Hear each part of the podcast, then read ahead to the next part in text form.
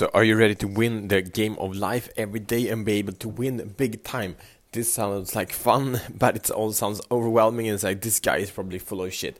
So, I want to tell you a story from a conversation I had with my wife that was triggered by a conversation by a coaching client I had yesterday. And this is the thing that you don't really, really, you don't need to even add, you don't need to, to remove you need uh, to change perspectives. I will sh show you probably the what I know the most powerful way that you can shift your perspective and start winning every day. So what does it mean? You will get it in a moment, and this get your pen and paper out because you will want to take notes.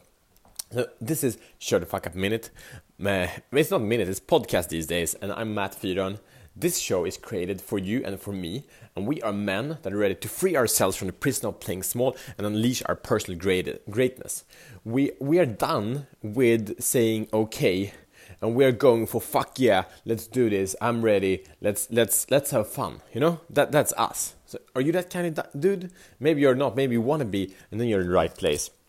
Anyway, we show up in the four areas that creates a meaningful life, and that is purpose. Uh, being in alignment is what I, I, call with that. It's passion, being in, in a passionate, energetic relationship with yourself and with your loved ones. It's about power, physical, emotional, mental, and spiritual power, and it's about profits. Uh, and that means the business profits you have and the net worth growth in your life. All right, so let's go. And uh, so I had this conversation we we uh, with my wife yesterday. We have this most amazing daughter that is that she's like um, takes a lot of uh, what say she's not an easy child I would say because we have to put a lot of effort into supporting her and seeing her way more than than our other daughter and so on. And all kids are different. And in this, uh, we've been in a period where uh, my wife it's been a bit hard for her to be centered and ground her in the way uh, our daughter in the way she wants. And i had a couple of days where it's been really really easy. And sometimes it's the other way around.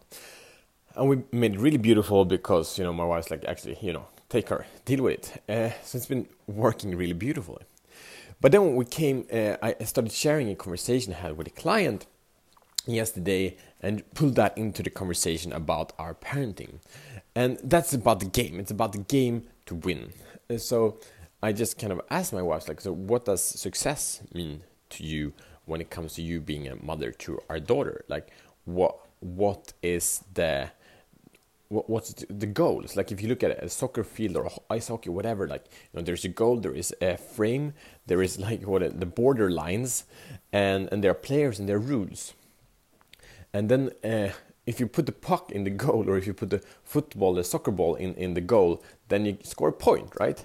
So we want to do that. And when we do that, we come up as winners. And then uh, in the end of, winning a game, what happens then is like we feel good enough, we feel worthy. And then if we lose the game and we lose the game over and over and over again, you know, in, in the sports, we get cancelled out of this, uh, of this uh, series and we get push down to the lower series and we do that over and over again and that's like decreasing confidence decreasing momentum and so on and so forth.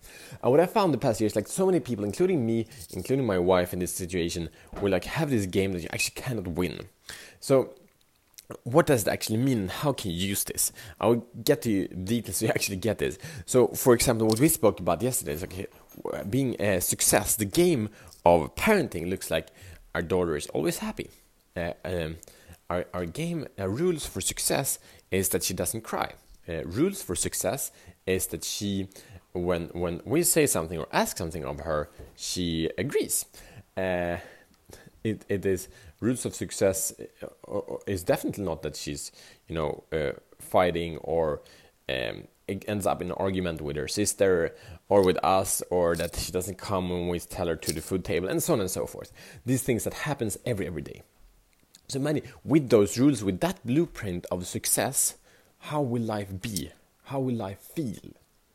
So we don't need to think about the quality and ability of the parent, or you can put this into your business, you can put this into your love relationship, you can push this into your relationship in of, of your your success. You know, if it's weight loss, weight gain, or whatever your your is like, I'm I'm good because I'm losing weight. Okay, what happens then when you stop losing weight? You know, you might not be able to control this metric. So make it very difficult for us to to succeed.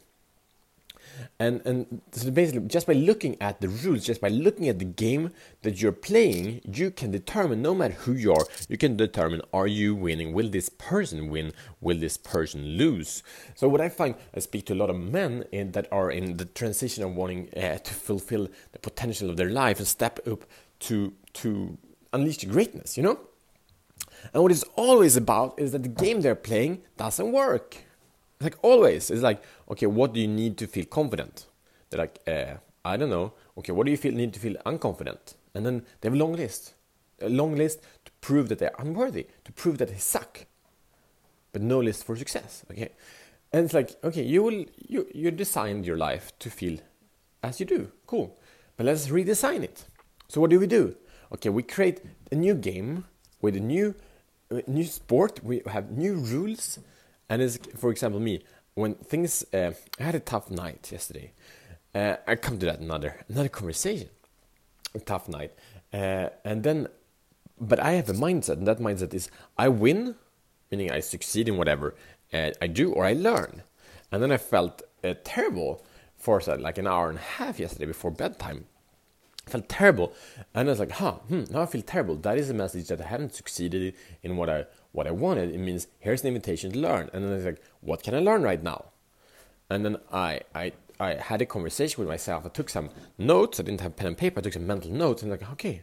And then uh, in, within five minutes, I turned that, you know, struggle into a learning. And learning equals winning because then I get better, better every day. Right? So that's a rule I have in my game. And you know what that rule makes it? It makes it impossible to lose. It makes it impossible to lose. Like another rule that I've had in my life, it really sucked, eh, is that uh, I'm a good husband, I'm a good man if my wife is happy. How much suffering do you think that rule created in my life? It sucked. It was freaking terrible. So terrible. Because then I was the one responsible for her her mood and her well being. It's not her. It's completely like castrating for her, right? It's not good, not good. And then as soon as, soon as she was in a mood, something happened that had nothing to do with me whatsoever. That and I got proof that I suck. Not good rule. Does many men have it? Hell yeah. Remove it. Implement a new rule that is easier to achieve. Basically, can be um, a rule that like okay, I I am present. I connect to myself. When I meet my wife, I connect to myself, and I put a clear intention daily what my gift is to her. Daily. Okay, that's it. And I do my very best to give that gift to her daily. Okay, that is success for me. It's not perfection, but it is great evolution. It's doable, it's winnable. And when I do it, I'm happy with myself. Right? So you get how powerful it is, you can just change these rules. You can just change these rules. When you change the rules, your world will change. You get this? Hope you do. So you have many areas in your life, and, and I bet in, in most of these areas you didn't create the game yourself. And if you did, maybe you did years ago. So here's your mission should you choose to accept it. Write down an area where things are, where you like, that drains you from energy. Write down an area that drains you from energy. P- purpose, passion, power, and profit. What area is it? If it, it can be one uh, specific area, it can be a relationship with one specific person, or whatever. Okay? Write down one uh, such area Number two, identify the rules of the game that you're playing. Right? What are the rules for success and what does failure look like in your game? And number three is create your new game that you only can win. That you only can win. How about that? All right. Uh, that is it. Uh, the, I have the tool that I use daily to evaluate and, and create my day and harvest my day, so make sure I always win. It's Life Master Planner. It will be in the show notes below. It's a way to to really create your day and eliminate the risks that we always have to make our days shitty and make them epic day by day. Uh, it's in it's a free link. It's download. You get a free training on how to use it. It's free. Uh, get it and level up. And I see you tomorrow as better men.